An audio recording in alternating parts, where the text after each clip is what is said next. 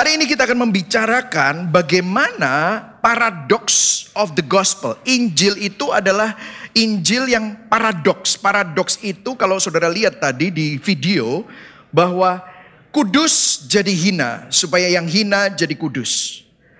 Yang berkuasa jadi tidak berdaya supaya yang tidak berdaya menjadi berkuasa, eh, menerima kuasa. Dan kalau saudara lihat paradoks itu seakan-akan ada hal yang bertentangan tetapi pada waktu dua hal itu disandingkan dalam sebuah kalimat. Hal yang bertentangan itu menjadi suatu kebenaran.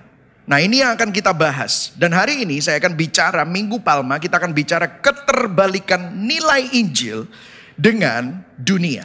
Dan teks yang akan kita baca hari ini adalah Lukas 6 ayat 17 sampai 26. Saya akan bacakan yang putih, saudara bacakan yang oranye, kita akan membacanya bergantian.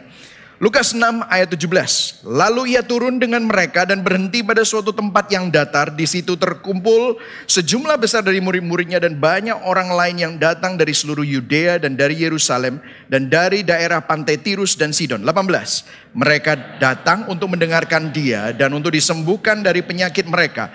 Juga mereka yang dirasuk oleh roh-roh jahat beroleh kesembuhan. Ayat 19. Dan semua orang banyak itu berusaha menjamah dia karena ada kuasa yang keluar daripadanya dan semua orang itu disembuhkannya. Ayat 20, lalu Yesus memandang murid-muridnya dan berkata, "Berbahagialah hai kamu yang miskin, karena kamulah yang empunya kerajaan Allah." Berbahagialah hai kamu yang sekarang ini lapar karena kamu akan dipuaskan. Berbahagialah hai kamu yang sekarang ini menangis karena kamu akan tertawa. Ayat 22. Berbahagialah kamu jika karena anak manusia orang membenci kamu dan jika mereka mengucilkan kamu dan mencela kamu serta menolak namamu sebagai sesuatu yang jahat Bersukacitalah pada waktu itu dan bergembiralah. Sebab sesungguhnya upahmu besar di surga. Karena secara demikian juga nenek moyang mereka telah memperlakukan para nabi. Ayat 24. Tetapi celakalah kamu, hai kamu yang kaya, karena dalam kekayaanmu kamu telah memperoleh penghiburanmu. Celakalah kamu yang sekarang ini kenyang, karena kamu akan lapar. Celakalah kamu yang sekarang ini tertawa, karena kamu akan berduka cita dan menangis. Ayat 26. Celakalah kamu jika semua orang memuji kamu, karena secara demikian juga nenek moyang mereka telah memperlakukan nabi-nabi palsu. Berbahagialah orang yang mendengar firman Tuhan, memelihara dalam hatinya dan melakukan dalam hidupnya. Nah saudara hari ini kita merayakan Palm Sunday, Minggu Palma. Minggu Palma adalah saat Yesus ke Yerusalem dielu-elukan oleh orang banyak. Sebelum lima hari kemudian disalibkan pada hari Jumat di atas salib. Dan kalau saudara lihat ini semua ditulis oleh keempat Injil di Markus 11, Matius 21, Lukas 19 dan Yohanes 12. Nah saudara, yang menarik mengenai Minggu Palma adalah di Matius 21, Yesus menyuruh murid-muridnya untuk pergi ke sebuah kampung untuk mendapatkan keledai. Kemudian meminjam keledai tersebut. Kemudian dikatakan, kalau sampai ada orang yang nanya, katakan Tuhan memerlukannya dan ia akan mengembalikannya. Kemudian di Matius 21 ayat keempat dicatat. Ini Minggu Palma, bukan teks kita hari ini, tapi Minggu Palma. Saya perlu menjelaskan kepada saudara. Dikatakan Matius 21 ayat 4 bahwa hal itu terjadi yaitu mencari keledai supaya nanti Yesus naik keledai. Dikatakan hal itu terjadi supaya genaplah firman yang disampaikan oleh nabi. Kemudian Yesus mengutip ayat perjanjian lama. Ayatnya di mana? Yaitu ayat di Sakaria.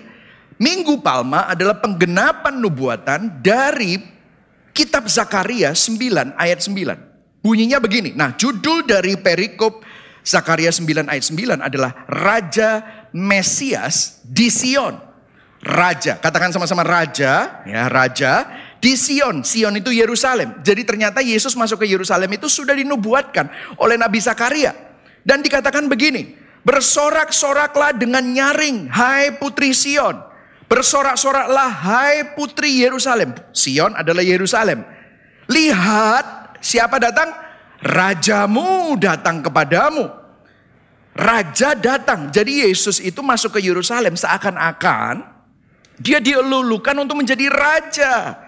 Dikatakan ia adil dan jaya. Tetapi menarik. Dikatakan ia apa saudara? Lemah lembut dan mengendarai seekor keledai. seekor keledai beban yang muda. Nah saudara ini agak aneh. Kenapa? Dikatakan raja, dia adil, dia jaya, tetapi dikatakan rajanya ini lemah lembut dan mengendarai seekor keledai. Raja, tapi kok lemah lembut? Raja mana lemah lembut? Raja kalau lemah lembut pasti kalah. Betul ya saudara? Raja itu perkasa. Raja itu pemberani. Raja itu pahlawan. Raja itu selalu kelihatannya tidak pernah kelihatan lemah. Tetapi dikatakan di Zakaria, raja lemah lembut. Tetapi dan yang lebih aneh lagi, dia bukan naik kuda yang kekar. Dia tidak datang dengan pengawal-pengawal berkudanya. Dia tidak datang dengan pedang yang berkilau-kilau dan perisai yang perkasa. Lebih keren ya kalau misalnya Yesus, putra halilintar. Pencipta jagat raya. Wah kan gitu kan. Mestinya kan begitu. Itu yang keren. Tetapi ini raja kok lemah lembut menunggang keledai. Bukan dengan kuda, kereta berkuda, dibarengi dengan pahlawan-pahlawan, dengan perisai yang berkilau dan perkasa. Tapi raja ini modelnya beda. Lemah lembut menunggang keledai. Nah kalau rajanya seperti itu, kira-kira kerajaannya seperti apa? Nah di sinilah hari ini kita akan membahas karena Yesus di awal tulisan para rasul khotbah pertama Yesus yang paling detail itu menjelaskan nilai-nilai kerajaannya. Itulah sebabnya kalau saudara baca kita dapat melihat nilai-nilai kerajaan itu melalui khotbah di bukit ditulis di dua kitab Injil yaitu Matius 5 ayat 1 sampai 12 dan Lukas 6 ayat 17 sampai 26. Dan hari ini teks kita adalah Lukas 6 ayat 17 sampai 26. Nah, poin saya ada tiga ya. Poin saya ada tiga. Yang pertama, mengapa kerajaan? Kenapa kok Tuhan itu bawa konsep kerajaan? Kemudian yang kedua, keterbalikan dua sistem kerajaan. Kerajaan surga dan kerajaan dunia. Dan yang ketiga of course bagaimana kita menghidupi nilai-nilai tersebut. Nah, kita akan baca sama-sama di Lukas 6 ini dan kita akan selidiki bersama-sama. Yang ready siap katakan yes. Yes, oke. Okay. Kita akan baca yang pertama. Mengapa kok kerajaan? Nah di Lukas 6 ayat 30 ini adalah kalimat pertama di khotbah Yesus. Ini ayatnya menarik dikatakan begini. Lalu Yesus memandang murid-muridnya dan berkata. Ini adalah perkataan pertama. Berbahagialah hai kamu yang miskin. Karena kamulah yang empunya kerajaan Allah. Melalui ayat ini Yesus sedang mengatakan bahwa dia akan datang sebagai raja, namun raja yang berbeda. Di mana kerajaannya yang ditegakkan itu sangat kontras dengan kerajaan dunia yang selama ini dirasakan oleh orang-orang. Jadi poin 1A, subpoin dari mengapa kok kerajaan, hanya ada dua kerajaan di dunia. Meskipun saudara orang Indonesia, mungkin saudara di sini lagi visit dari Singapura, mungkin visit dari negara lain. Apa pun warga negaramu, apa pun negara di mana saudara berada, di dalam dunia hanya ada dua macam kerajaan. Yang pertama, apakah saudara ini warga kerajaan surga, apakah saudara bagian dari kerajaan terang, atau saudara hidup di dalam pola dunia, makanya saudara ada di dalam kerajaan dunia dan hidup di dalam kegelapan. You're either the citizen of Jesus kingdom or citizen of the kingdom of darkness. Dan ketika Yesus berbicara tentang kerajaan, maka yang dimaksudkan bukan hanya kerajaan yang akan datang. Tetapi kerajaan itu sekarang sudah terjadi dari 2000 tahun yang lalu. Karena dia bilang kerajaan Allah sudah datang. Dan dia ada di tengah-tengah kamu. Wow. Apa yang disampaikan Kristus ternyata juga sejalan dengan apa yang disampaikan Paulus bahwa konsep kerajaan itu bukan bicara nanti waktu kiamat, nanti waktu kita mati kita masuk kerajaan surga, bukan. Tetapi sekarang saudara ada di dalam kerajaan itu kalau saudara ada di dalam Kristus. Coba kita baca sama-sama untuk membuktikan bahwa kerajaan itu bukan nanti, sekarang di Kolose 1 ayat 13. Kita baca sama-sama ya. Ayat 13, 1 2 3, ia telah melepaskan kita dari kuasa kegelapan dan memindahkan kita ke dalam mana? Kerajaan anaknya yang kekasih. Ini present tense semua. Present tense itu artinya bukan tentang masa depan, tetapi sekarang. Kalau saudara dilepaskan karena saudara ada di dalam Kristus, saudara tidak lagi hidup dalam kuasa kegelapan. Karena Tuhan sudah memindahkan saudara ke dalam kerajaan anaknya sekarang. Oh ternyata kalau saudara ada di dalam Kristus, saudara itu adalah milik kerajaan surga. Lihat Roma 13, Roma 13 bicara tentang terang dan gelap. Roma 13 ayat 12 sampai 13. Malam sudah hampir lewat dan sebentar lagi akan siang. Jadi baiklah kita berhenti melakukan perbuatan-perbuatan gelap. Kita harus melengkapi diri kita dengan senjata terang. Ayat 13, baca sama-sama ayat 13. Satu, dua, tiga. Kita harus melakukan hal-hal terhormat seperti yang biasanya dilakukan orang pada siang hari. Meskipun di dunia ini masih penuh dengan kegelapan, tapi kita oleh Rasul Paulus disuruh hidup seakan-akan seperti orang yang hidup di siang hari. Karena kamu adalah anak-anak terang. Meskipun gelap tetapi disuruh hidup di dalam terang. Jadi kalau saudara lihat, kalau saudara ada di dalam Kristus, siapa di sini yang ada di dalam Kristus? Katakan saya ada di dalam Kristus, ya saudara. Nah saudara hidup dengan nilai kerajaan yang mana? Apakah nilai kerajaan dunia atau nilai kerajaan surga? Nah perlu diingat, kerajaan itu ada sistemnya. Nah saya akan tunjukkan bagaimana nanti uh, di ayat-ayat yang baru kita baca, ternyata sistem itu ada di sana. Kerajaan, setiap kerajaan, ini ayat poin 1b, setiap kerajaan memiliki sistem. Sistem itu apa? Pola, nilai. Nilai-nilai yang diemban oleh kerajaan itu. Ya, pola-polanya seperti apa? Misalnya kalau saudara ini ngomongin tentang kerajaan itu kan bisa rezim, kabinet, presiden baru, Ya, kalau presiden baru pasti ada program-program, janji-janji, nilai-nilai yang akan akan diaplikasikan, begitu kan ya? Kalau misalnya saudara punya uh, tim, tim basketball, terus saudara ganti coach, ganti pelatih. Dulu pelatihnya mungkin ngajarin saudara, oh yang penting itu teknik, teknik. Kalau misalnya basket, oh itu teknik shooting, teknik dribble gitu. Tapi kalau ganti coach, terus coachnya bilang teknik itu nanti. Yang penting sekarang conditioning. Makanya saudara disuruh lari, suruh push up, suruh belajar core. Supaya orangnya itu conditioningnya kuat. Kalau kondisinya kuat, dikasih teknik apa pun. Kalau kondisinya lemah, percuma teknik itu. Semuanya kacau balau kalau dia nggak kuat. Nah itu nilai. Nilai pelatih yang satu berbeda dengan pelatih yang lain. Nilai presiden yang satu berbeda dengan presiden yang lain.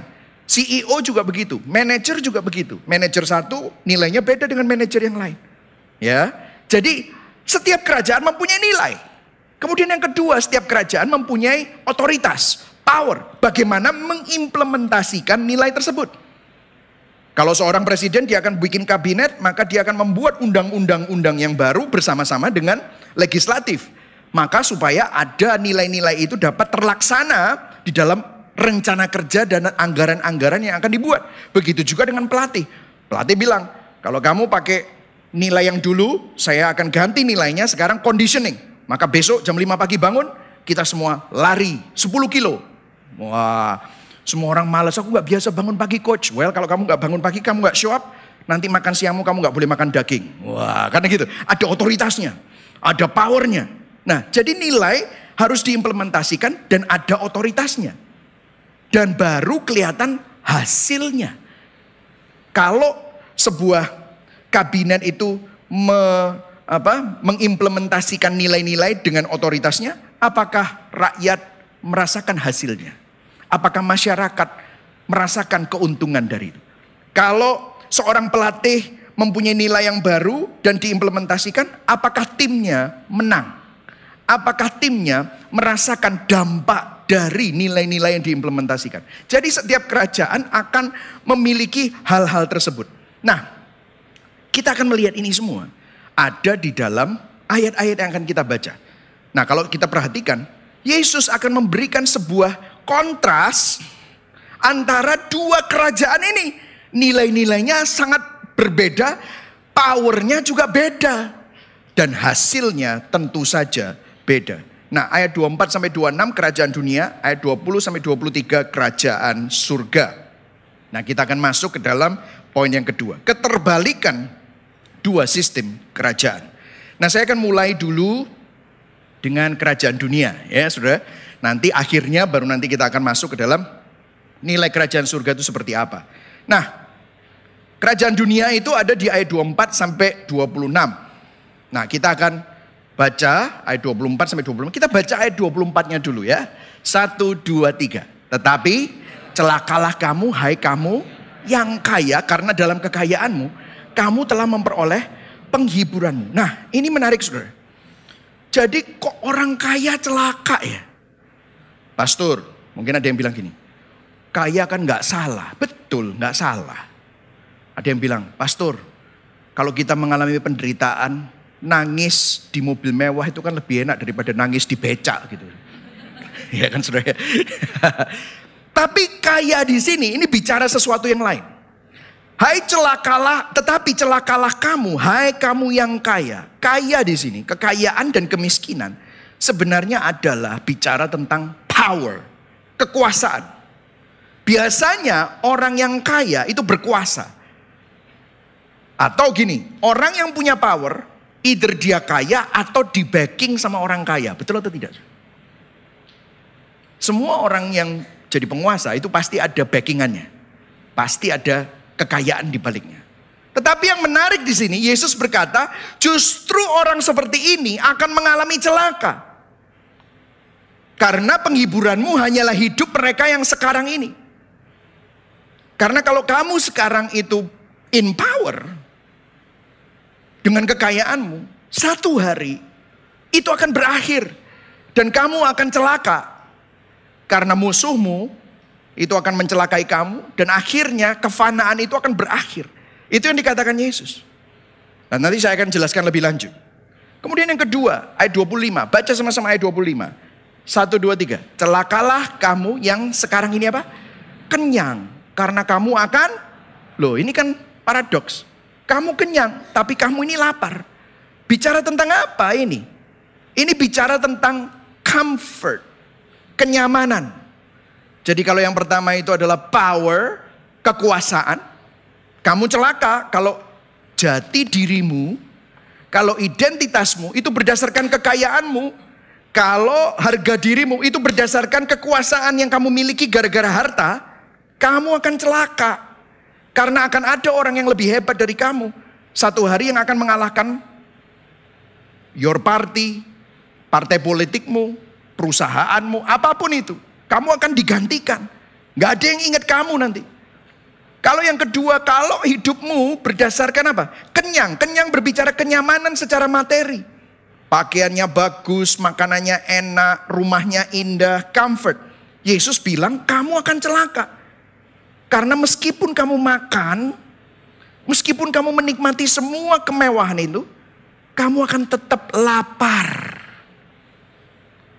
Saya pernah ya ngomong sama seseorang yang sangat kaya, saya pernah duduk di pesawat, terus di sebelah saya orang yang luar biasa sukses gitu ya. Terus dia dia tanya sama saya, Bapak kerjanya apa? Oh saya hamba Tuhan. Wah dia kaget, wah hamba Tuhan. Dia bukan orang Kristen, ya saya pendeta gitu. Wah, masih muda ya. Ya nggak terlalu muda Pak, saya berusaha untuk kelihatan muda gitu ya saudara. Saya kasih tahu umur saya, oh iya nggak terlalu muda juga ya gitu saudara ya. Uh, terus dia bilang, tapi saya senang kalau ngelihat, saya kagum kalau ngelihat orang-orang yang masih muda itu sudah mendedikasikan dirinya untuk sesuatu yang kekal. Wih, ini bukan orang Kristen ngomong gitu. Terus dia bilang gini, soalnya ya kita itu mau kejar apa sih? Wow, nggak kenal Tuhan. Ngomong gini, mau duitnya banyak, mau naik mobil paling mahal, mau makan paling mahal sama makan di warung. Ya sama saja. Cuma muasin lidah 9 cm, habis itu masuk ke WC. Loh, ngerti loh sudah. Saya bilang, wah luar biasa. Ngerti. Terus dia bilang gini, yang penting itu ya ternyata ya, kepuasan itu bukan di luar Kepuasan tuh di sini. Wah. Loh, manusia itu tahu loh. Saudara. Kepuasan itu bukan di luar. Kepuasan itu di sini. Saudara, setiap kali kalau saudara makan misalnya nasi goreng maut, wah, bakmi yang enak, yang kelihatannya banyak aksesorisnya gitu, saudara makan pertama, uh, enak ya. Ada law of diminishing return. Tahu saudara, law of diminishing return. Setelah saudara makan yang pertama kelihatannya enak, saudara pesan lagi. Mangkok kedua, Mangkok kedua, enaknya nggak seenak yang pertama. Betul nggak? Saudara pesan lagi. Mangkok yang ketiga, saudara pikir, kok gak seenak tadi? Mungkin ini bumbunya kurang pas. Pesan lagi, aku tak makan coba lagi. Yang ketiga, belena. Betul atau enggak? Kok bisa? It's law of diminishing return. Jadi saudara dengarkan, orang yang hidup dalam kemewahan sudah terbiasa dengan itu. Dia nggak bisa turun, dia harus naikkan kemewahannya lagi untuk mendapatkan sebuah kepuasan. Kenapa? Kepuasan kemarin gak cukup untuk membuat dia bahagia. Makanya dia harus naikkan dosisnya. Ini seperti orang kecanduan, saudara. Dan saudara naikkan dosisnya, kok gak puas ya? Saudara naikkan lagi dosisnya, kok gak puas? Makanya hotel ada bintang 1, bintang 2, bintang 3, bintang 4, bintang 5. Di Dubai sampai bintang 7. Mau bintang berapa lagi saudara? Tetap aja gak puas. Saudara lihat. Meskipun kamu ini kenyang. Kamu akan lapar. Karena yang lapar apa? Jiwanya, hatinya. Kemudian selanjutnya celakalah kamu yang belum di highlight itu. Satu, dua, tiga baca. Celakalah kamu yang sekarang ini apa? Tertawa karena kamu akan berduka cita dan menangis. Ini bicara tentang apa? Tertawa di sini, ada yang menarik saudara, tertawa di sini karena para ahli bahasa Yunani bicara tertawa di sini adalah gloating. Gloating itu mentertawakan kompetisi yang kalah. Atau mentertawakan sesuatu yang terjadi bukan pada dirinya tapi pada orang lain. Jadi apa? Misalnya saudara ngelihat ada orang jalan kepleset terus saudara apa? Ketawa. kan sekarang paling seneng lihat TikTok gitu ya. Orang-orang kebentuk, jeduer gitu terus kita ketawa. ya ini kata-kata ini. Artinya apa? Kamu itu, kamu menang kamu aman terus mentertawakan orang lain. Misalnya timmu menang, yeay. Kamu menang tender, yeay sukses party. Karena apa? Ada orang lain yang kalah. Jadi ini bicara tentang kesuksesan. Kemenangan. Tapi menang terhadap musuhmu. Saingan bisnis. ya, Tim lain. Partai politik lain. Apa pun itu. Ya, apa pun itu. Menang Makanya tertawa. Nah Yesus bilang, celaka kamu. Karena apa? Kemenanganmu itu sementara. Kamu baru menang. Kamu baru menang sebagai top producer di companymu. Karena kamu mengalahkan orang yang kamu kejar sudah berbulan-bulan. Dia nomor satu, kamu nomor lima. Akhirnya kamu nomor empat, nomor tiga, nomor dua. Dan akhirnya kamu menang nomor satu. Yes, aku menang. Guess what? Bulan depan belum tentu menang. Kalau jati dirimu berdasarkan kesuksesan dan kemenangan itu, dan orang lain bulan depan ada yang lebih hebat, maka kamu akan menangis. Kamu akan hancur, kamu akan berduka cita. Apa yang kamu rayakan hari ini akan menjadi sebuah tangisan minggu depan karena akan ada orang yang lebih hebat, lebih sukses yang akhirnya mengalahkan kamu. Wow. Celaka. Saudara jadi bukan berarti Tuhan itu anti kekayaan, kenyang, tertawa. Bukan. Tetapi kalau hati kita menerima kepuasan berdasarkan hal-hal ini, maka celaka kita. Kemudian yang ayat 26, baca 26. 1, 2, 3. Celakalah kamu jika semua orang apa? Memuji kamu. Karena secara demikian juga nenek moyang mereka telah memperlakukan nabi-nabi palsu. Wih, apa yang dimaksud ini? Ini bicara tentang recognition, popularity. Kelompok yang keempat yang Yesus sebutkan adalah mereka dipuji, dikagumi orang, diakui orang, popularitasnya tinggi, pengakuan, popularitas selebriti. Saudara sekarang adalah musim di mana ada culture celebrity, sosial media selebriti, tidak harus melakukan apa-apa. Coba saudara lihat, ya Kardashian family. Mereka tidak melakukan apa-apa, hanya terkenal aja melakukan sensasi-sensasi. Hanya menjadi terkenal karena sensasi. Jadi influencer. Wah, TikToknya followernya berapa? Instagramnya followernya berapa? YouTube-nya subscribernya berapa? Tidak perlu ahli apa-apa. Yang penting bikin sensasi. Kamu bisa dapat duit gara-gara banyaknya uh, apa followermu dan bagaimana kreatifnya kontenmu. Yesus bilang apa? Celaka. Karena Kalau identitas hidupmu berdasarkan itu, berdasarkan recognition, berdasarkan popularitas di mana semua orang memuji kamu, celaka karena satu hari akan ada orang yang lebih terkenal dari kamu, akan ada orang yang lebih sensasional dari kamu, dan kamu jadi berita usang, kamu jadi berita kemarin. Bahasa Inggrisnya 15 minutes of fame. Hanya terkenal sebentar. Akan ada orang yang lebih banyak followernya dari kamu. Followernya lebih banyak dan apa yang terjadi? Kamu berita kemarin. Kamu sudah tidak relevan lagi. Dan apa yang terjadi? Celaka kamu. Kamu akan sedih, kamu akan putus asa, kamu akan seperti orang yang kehilangan jati diri. Dan bahkan dia bilang gini, kalau kamu ingin kayak gitu, tidak ada bedanya kamu sama nabi palsu. Wih, saudara nabi palsu katanya dibilang, nenek moyangmu memperlakukan nabi palsu seperti itu. Jadi kalau saudara lihat, nabi sekarang itu kan nabinya terkenal semua dan disukai banyak orang. Hati-hati saudara.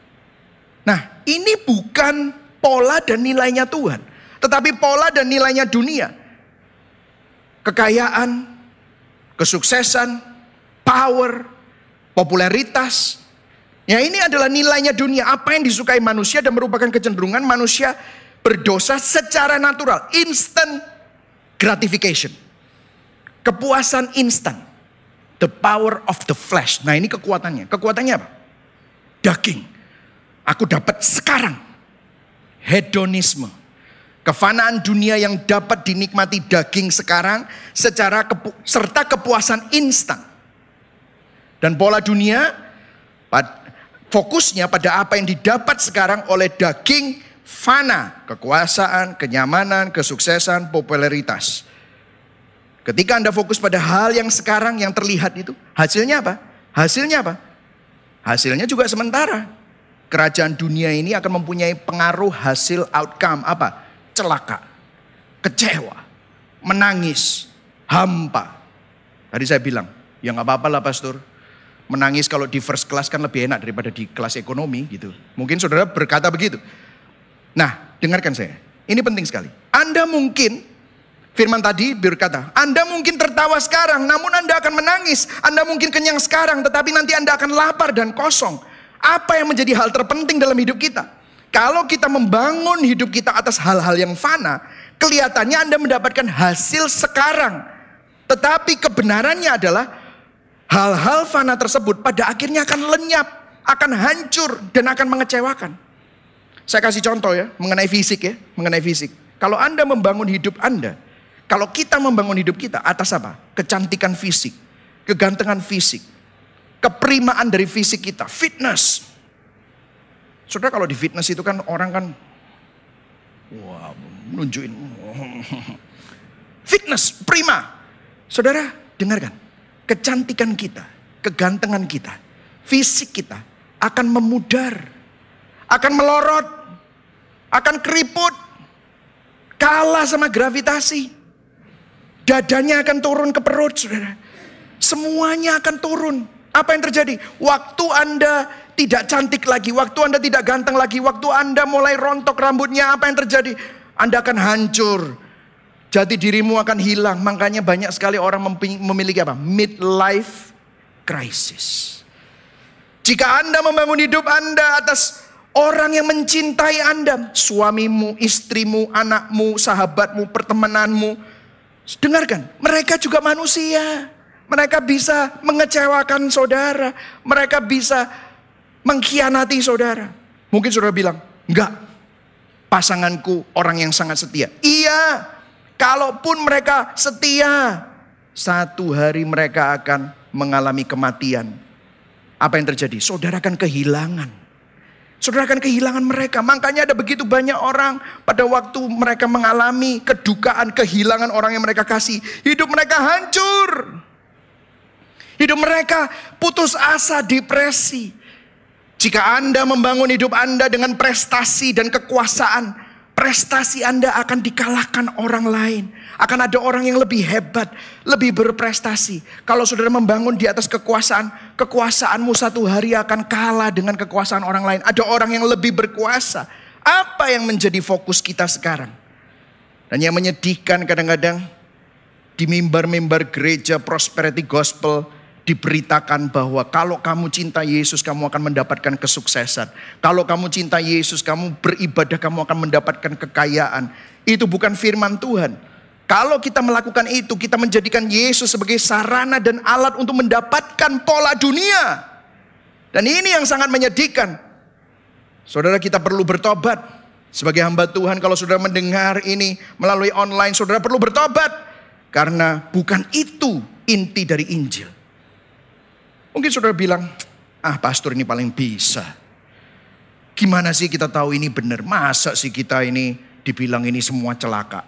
Dengarkan saudara, bagaimana kita tahu ini benar? Saya taruh di sini. Persoalan fundamental manusia. Saudara, manusia mempunyai persoalan yang tidak bisa kita hindari. Saya kasih contoh. Kalau hujan, preman, penjahat, pembunuh, sama pendeta, orang yang tidak pernah berbuat kriminal, sama pemuka agama, basah nggak? Kalau hujan, basah nggak?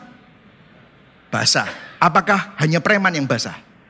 Terus pendeta keluar, aku diurapi Tuhan, nggak basah.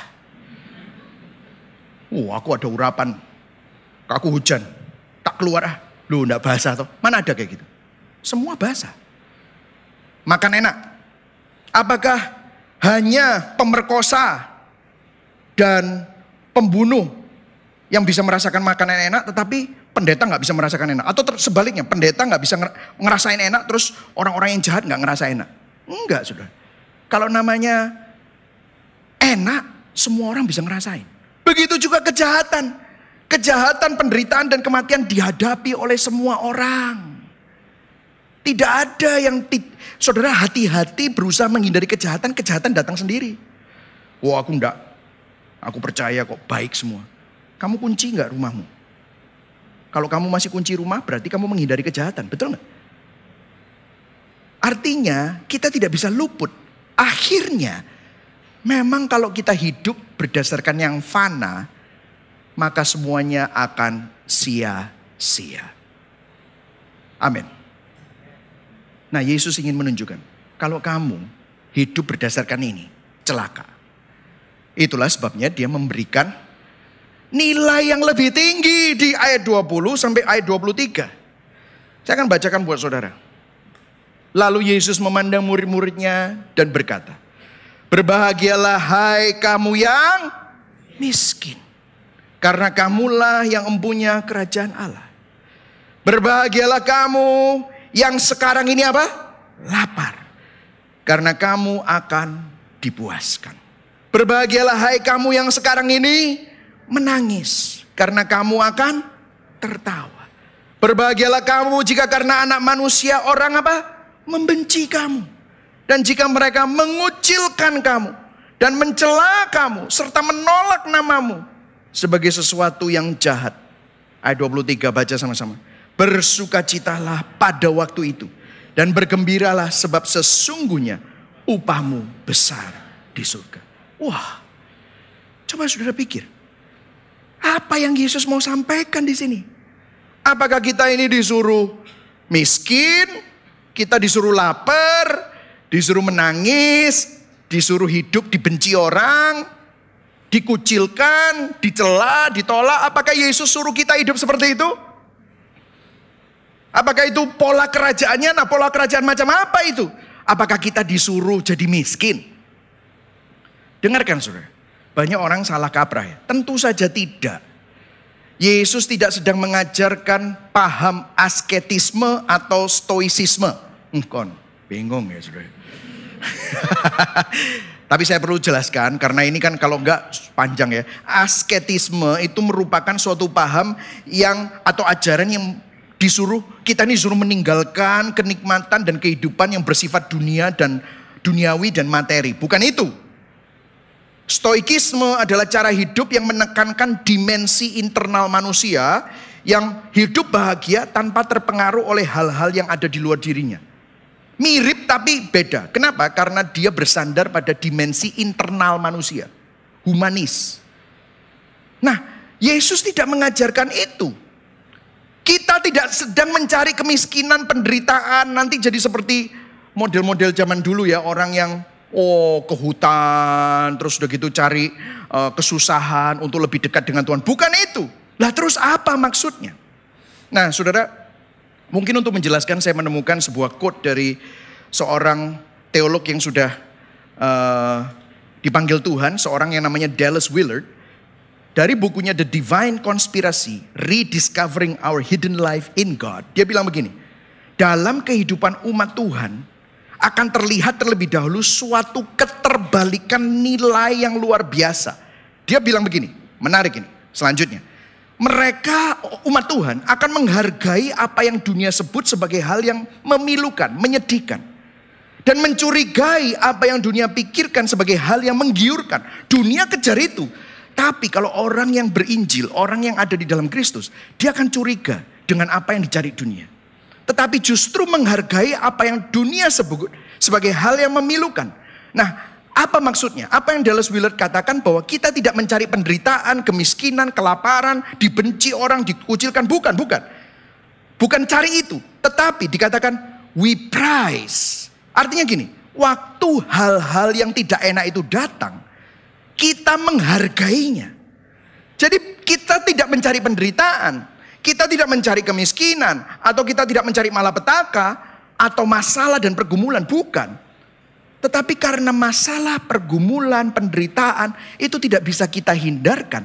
Saat hal-hal itu datang, saat hal-hal yang tidak enak itu datang dalam hidup saudara, kita dapat menghargainya.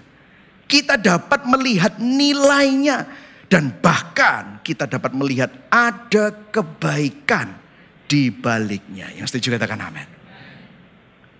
Kenapa kok bisa begitu? Kalau Tuhan mengizinkan di dalam kedaulatannya, ranah kedaulatannya, ketika ada musibah, ketika ada pergumulan, ketika ada masalah, ketika ada tangisan, Tuhan mengizinkan ada kebaikan di baliknya. Hidup kita tidak hancur, mental kita tidak down, tetapi kita bisa melihat ada nilainya. Kita bisa melihat Tuhan sedang berproses dengan kita. Tuhan sedang mengajar kita sesuatu. Kita melihat pelajarannya. Waktu hal itu datang kita nggak bilang mampus dah gua gitu. Saudara nggak akan putus asa dan ingin bunuh diri. Kita dapat menghargainya ketika itu terjadi. Karena orang-orang yang sedang mengalaminya, kalau di dalam Kristus, kita akan melihat ada keindahan. Nah, saudara, kita bisa melihat ini orang Kristen yang hidup dengan pola kerajaan surga. Hidupnya tidak dikendalikan oleh apa yang dunia cari. Hidupnya tidak tergantung dari uang. Hidupnya tidak tergantung dari kekuasaan, kesuksesan. Kalaupun saudara punya uang, saudara akan lihat. Artinya Tuhan menitipkan aku Aku akan melakukan apa yang dititipkan Tuhan ini untuk kemuliaannya karena ini bukan punya aku. Jadi hidupnya, jati dirinya, harga dirinya tidak berdasarkan apa? Kesuksesan. Kalau Tuhan berikan kesuksesan, artinya Tuhan ingin aku memuliakan dia melalui kesuksesan itu. Tuhan berikan kenyamanan bukan untuk dihabiskan sendiri. Tetapi melalui kenyamanan ini mungkin Tuhan punya maksud supaya aku bisa memberi penghiburan kepada orang lain dan aku bisa membagikan. Jadi, kalau orang yang ada di dalam Injil, orang yang berinjil dan hidup dengan pola kerajaan surga, bukan hal-hal duniawi yang membuat mereka kerja keras. Bukan itu yang membuat mereka bahagia. Kalau mereka kerja keras, bukan karena ingin kesuksesan, kekuasaan, ambisi jadi populer, bukan. Tetapi mereka kerja keras karena mereka percaya mereka dititipi Tuhan. Stewardship. Aku sudah dipercayakan Tuhan, maka aku harus jadi pengelola yang baik atas apa yang dipercayakan Tuhan. Kalau saudara dipercayakan Tuhan ribuan, ratusan pegawai. Artinya Tuhan mempercayakan saudara. Jangan sombong dan menindas mereka dan mengeksploitasi mereka. Tetapi justru gembalakan mereka. Tunjukkan nilai Injil. Kalau ada sesuatu yang gak enak datang. Harapan orang yang berinjil tidak hancur saat ada kegagalan. Mereka tidak putus asa. Karena kalau Tuhan mengizinkan hal yang tidak enak itu terjadi. Pasti ada kebaikannya. Dan dikatakan begini saudara ayat 23. Bersukacitalah pada waktu itu dan bergembiralah. Sebab sesungguhnya upahmu besar di surga. Nah, saudara, ada yang menarik ya. Karl Marx, pencipta Marxisme, ngelihat ayat ini. Dia bilang, itu yang saya benci dari kekristenan. Opium, candu bagi manusia. Selalu bicara tentang upahmu besar di surga. Nah ada yang menarik di sini. Kata-kata upahmu besar di surga. Bersukacitalah pada waktu itu. Itu bukan future tense. Tetapi present tense. Pada waktu itu. Pada waktu itu itu bukan berbicara tentang surga. Pada waktu itu. Habis ngomong apa? Miskin lapar, menangis. Bersukacitalah pada waktu kamu miskin. Kamu lapar, kamu menangis, kamu dicela, kamu dibenci. Bersukacitalah dan bergembiralah. Sebab sesungguhnya upahmu besar di surga. Maksudnya apa? Maksudnya adalah waktu bukan future saat penderitaan datang kita bisa mencicipi kita bisa merasakan sukacita dan kebahagiaan surga. Surga itu ada di hati kita. Upahmu besar di surga, upah ini bicara tentang apa? Karena kita udah kebiasaan dengan konsep dunia, upah itu bicara tentang barang, sering kali kita pikirnya seperti itu, transaksi. Tapi upah di sini bicara tentang pribadi. Bukan tentang apa yang kita dapatkan, tetapi siapa yang bersama dengan kita. Dia bicara tentang Kristus, upahmu besar di surga karena aku tetap bersama dengan kamu. Jadi kalau Yesus berkata, berbahagialah hai kamu yang miskin.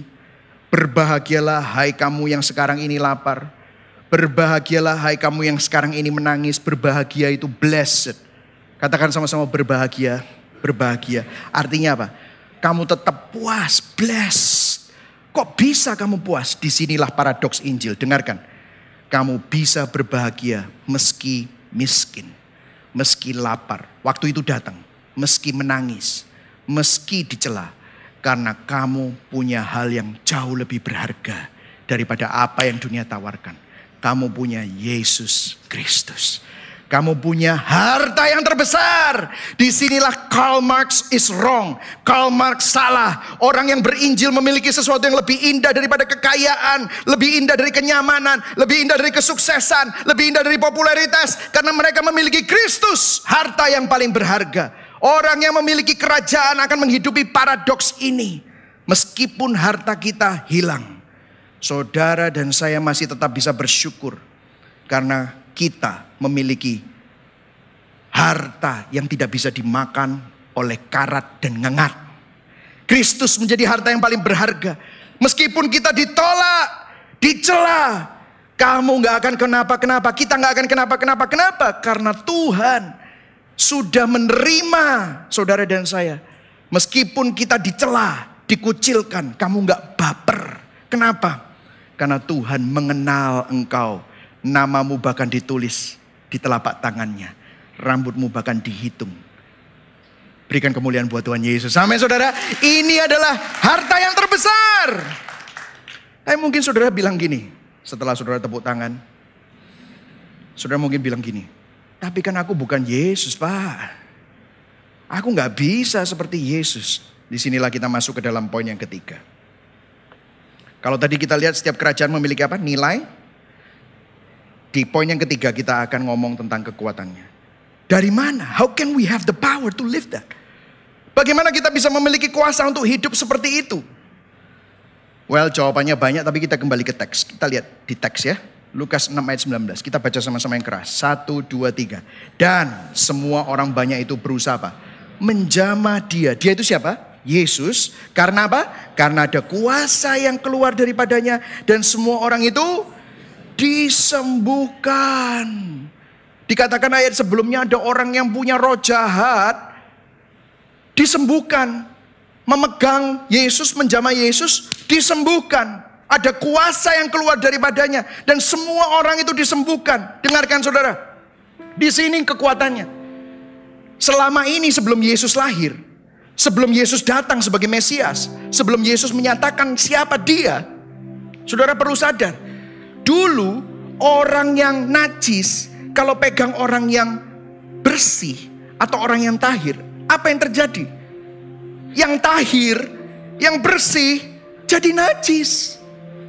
Orang yang sakit deket-deket sama orang yang sehat, yang sehat jadi sakit. Makanya kalau saudara ada orang kusta, dia harus bilang, aku najis, aku najis. Semua orang minggir. Kenapa? Kalau kena, apa yang terjadi? Yang bersih, yang tahir, yang normal, jadi najis. Sebelum Yesus.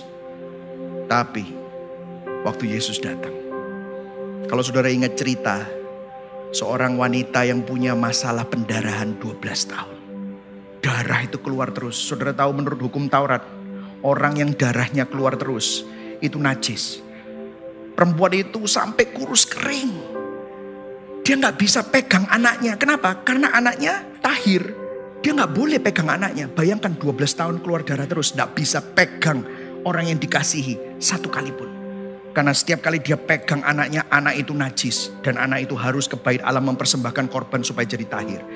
Dia pegang suaminya, suaminya itu najis. Suaminya harus pergi ke bait Allah untuk menyembelih, untuk supaya korban penebus salah, supaya dia bisa bersih lagi. Tapi dia darahnya keluar terus, gak pernah bisa bersih. Tapi dia dengar Yesus datang. Dia akan pergi. Dia bilang aku gak peduli. Dia kalau aku bisa pegang jubahnya aja yang paling ujung. Aku akan sembuh. Bayangkan saudara waktu itu berdesak-desakan. Mungkin dia desekin orang itu semua, orang sekelilingnya jadi najis semua. Bayangkan saudara. Itu melanggar hukum. Kalau ketahuan dia bisa dirajam batu. Itu menurut hukum Taurat seperti itu. Karena sengaja. Tapi apa yang terjadi waktu dia pegang. Yesus bilang, ada orang yang men, men, menjamah aku. Murid-muridnya bilang, Yesus, siapa yang menjamah kamu? Sekarang ada ribuan orang, semua berdesak-desakan sama kamu. No, no, no, no, no, no. Ada orang yang menjamah aku ada kuasa yang keluar. Waktu Yesus datang. Pertama kalinya. Untuk pertama kalinya. Yang najis pegang yang suci. Yang suci menyucikan yang najis. Yesus datang. Aku datang bukan untuk orang benar. Aku datang untuk mencari orang berdosa. Bukan orang sehat yang membutuhkan tabib. Tapi orang sakit yang membutuhkan tabib. Yesus datang. Di sinilah kekuatannya. Pandanglah pada Yesus. Karena dialah sang kebenaran itu. Dialah sang kehidupan itu. Dialah sang kekayaan itu. Kristus sang raja meninggalkan surga. Apa yang dia tinggalkan? Kemuliaannya, kehormatannya, kenyamanannya, persekutuannya dengan Bapa ditinggalkan. Dia yang walaupun dalam rupa Allah tidak menganggap kesetaraannya dengan Allah sebagai milik yang harus dipertahankan.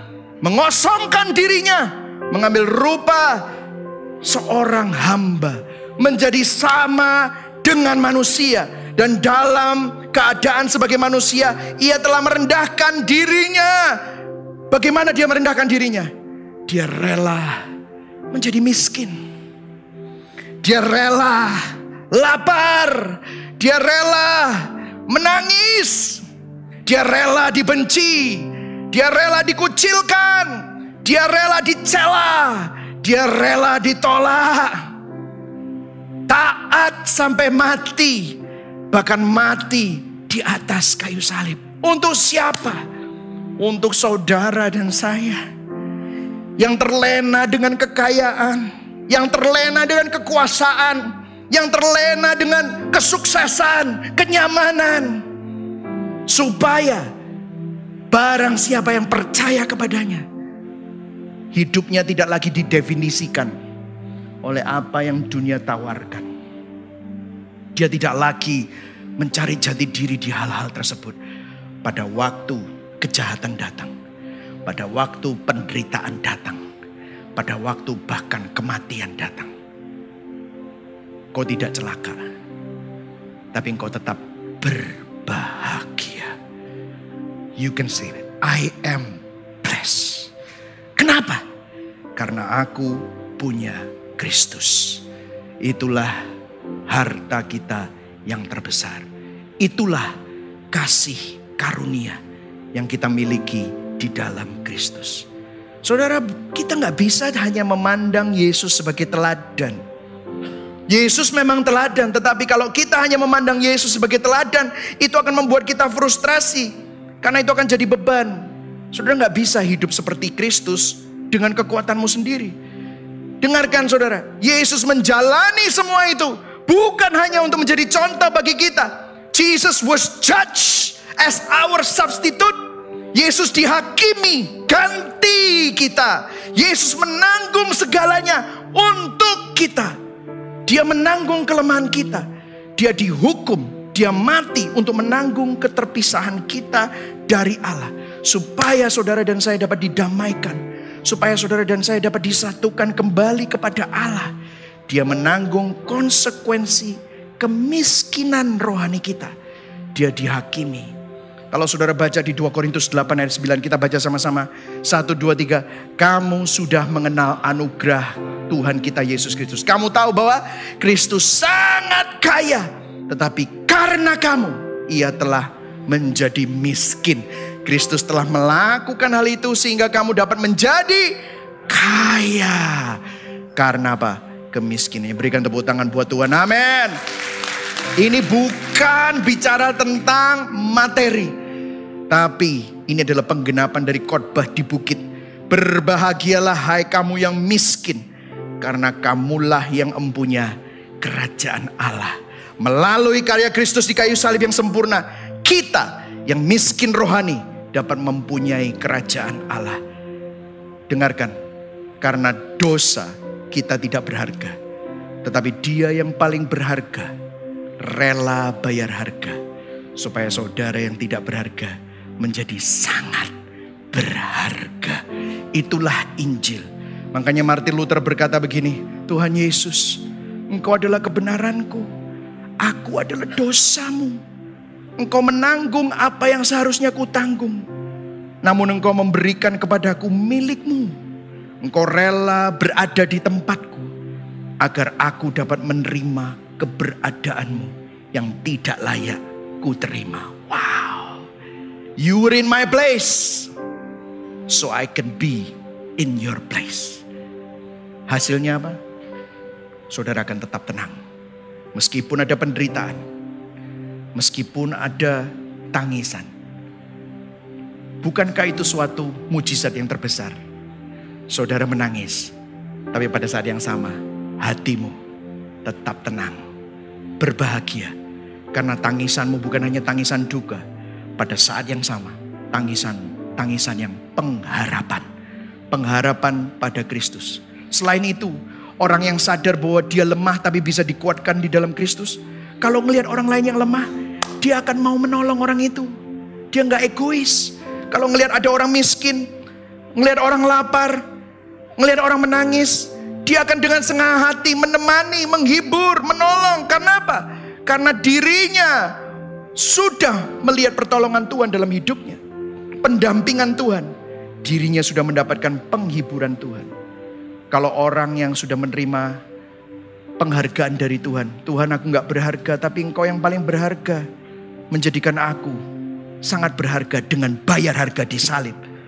Terima kasih Tuhan saat orang mencela kamu Saudara tidak sakit hati bahkan. Saudara bisa belas kasihan sama orang itu. Kok bisa? Karena saudara tahu dia nggak ngerti siapa Tuhan. Saudara mendoakan dia. Ini hasilnya. Orang yang sangat seperti Kristus. Kenapa? Jati dirinya bukan dari apa kata orang.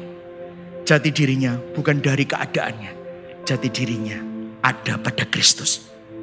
Charles Spurgeon berkata, You stand before God as if you were Christ, because Christ stood before God as if he were you. Kita berdiri di hadapan Allah seolah-olah kita adalah Kristus. Kenapa kok bisa begitu? Karena Kristus telah berdiri di hadapan Allah dan dihukum seolah-olah Kristus adalah kita. Pertukaran tempat itu membuat kita mempunyai identitas yang baru. Saudara, Sebelum kita tutup ya. Berapa kali saya ketemu dengan banyak orang yang dalam konseling-konseling saya. Ada orang yang marriage-nya nggak benar. Istrinya bilang sama kami, keadaannya belum berubah pastor. Suamiku masih KDRT, masih kacau. Tapi waktu saya mendengarkan Injil, waktu saya merenungkan Injil, hati saya tidak lagi sakit. Saya disembuhkan. Keadaannya belum berubah. Tapi saya bisa mempunyai belas kasihan kepada suami saya. Saya bisa mendoakan. Coba sudah lihat. Keadaannya belum berubah. Apa yang berubah? Hatinya. Ada orang yang kesulitan keuangan. Dia datang kepada saya. Pastor, saya masih belum mengalami terobosan dalam keuangan. Tapi waktu saya mendengarkan Injil, saya bersyukur akan masalah saya. Apa yang berubah? Keuangannya masih masalah. Tapi apa yang berubah? Hatinya. Di sinilah saudara bisa melihat. Berbahagialah orang yang miskin. Karena dia empunya kerajaan surga. Amin saudara. Pertanyaan reflektif, pertanyaan reflektif. Hati kita memandang kepada siapa saat ada pergumulan? Dan penderitaan yang datang. Saudara memandang pada dirimu? Saudara memandang pada orang lain? Memandang sama kekayaan? Hati kita bersyukur tentang apa? Saat keadaan baik-baik saja maupun sedang bergumul dan menangis. Saya berdoa supaya saudara memandang kepada Kristus. Mari sama-sama kita bangkit berdiri. Saudara diberkati hari ini. Amin. Sebelum kita menyanyikan lagu All I Have Is Christ. Saya bacakan implikasi Injil. Karena Injil, identitas kita tidak ditentukan oleh keadaan dunia yang fana, tetapi oleh karya Kristus saja. Karena Injil kita dapat menghargai pergumulan kehidupan yang ada. Karena kita melihat apa? Ada kebaikan Tuhan di dalam setiap musim hidup kita. Karena Injil dalam setiap tangisan dan duka. Kita mengetahui bahwa Kristus telah berinkarnasi. Untuk apa? Mendampingi kita melalui kuasa roh kudusnya. Kita tidak ditinggalkan sendiri. Yang percaya berikan tepuk tangan buat Tuhan. Amin. Mari sama-sama kita nyanyikan.